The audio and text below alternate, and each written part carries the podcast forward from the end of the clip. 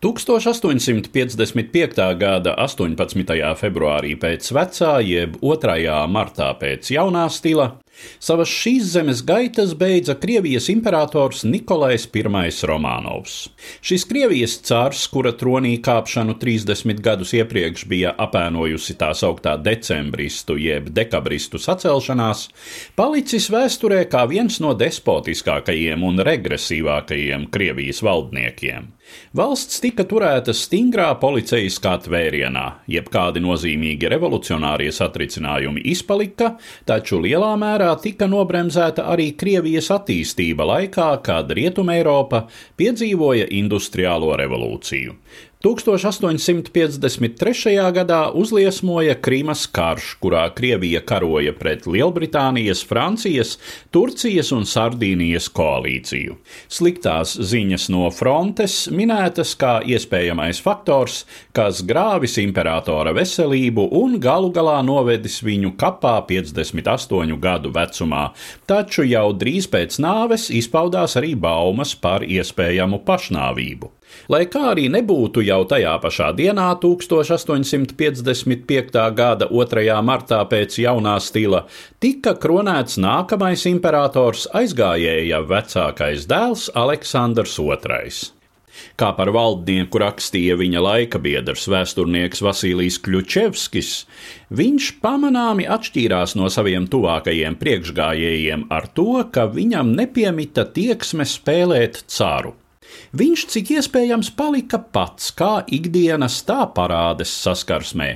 Runāja, kā jau nu sanāca, pirmajiem prātā ienākušajiem vārdiem, nerūpējās par iespaidu, rīkojās, kā attiecīgajā brīdī uzskatīja par pareizu, daudz nedomājot par sekām.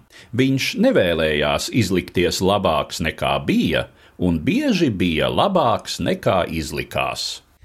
Uzdevumi, kurus nācās risināt jaunajam caram, bija grandiozi un sarežģīti. Vispirms jau bija jāpabeidz neveiksmīgais Krīmas karš, un to arī izdevās panākt ar nosacījumiem, kuri Krievijai nebija tīkami, taču nebija arī katastrofāli. Aleksandrs lieliski saprata, ka viens no zaudējuma iemesliem ir milzīgās impērijas atpalicība. Vispirms jau vajadzēja likvidēt lielākajā valsts daļā joprojām spēkā esošo zemnieku dzimtatkarību no muizniekiem. Tas nepavisam nebija viegls uzdevums, jo Krievijā netrūka to, kuriem šķita, ka šī ierastā kārtība ir Krievijai labāka par visādām rietumnieciskām brīvībām.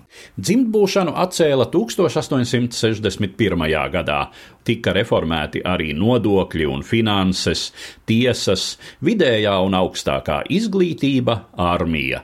Pirmo reizi visā Krievijā tika radītas lauku pašvaldības, jeb zemstes un ievēlamas pilsētu pašvaldības.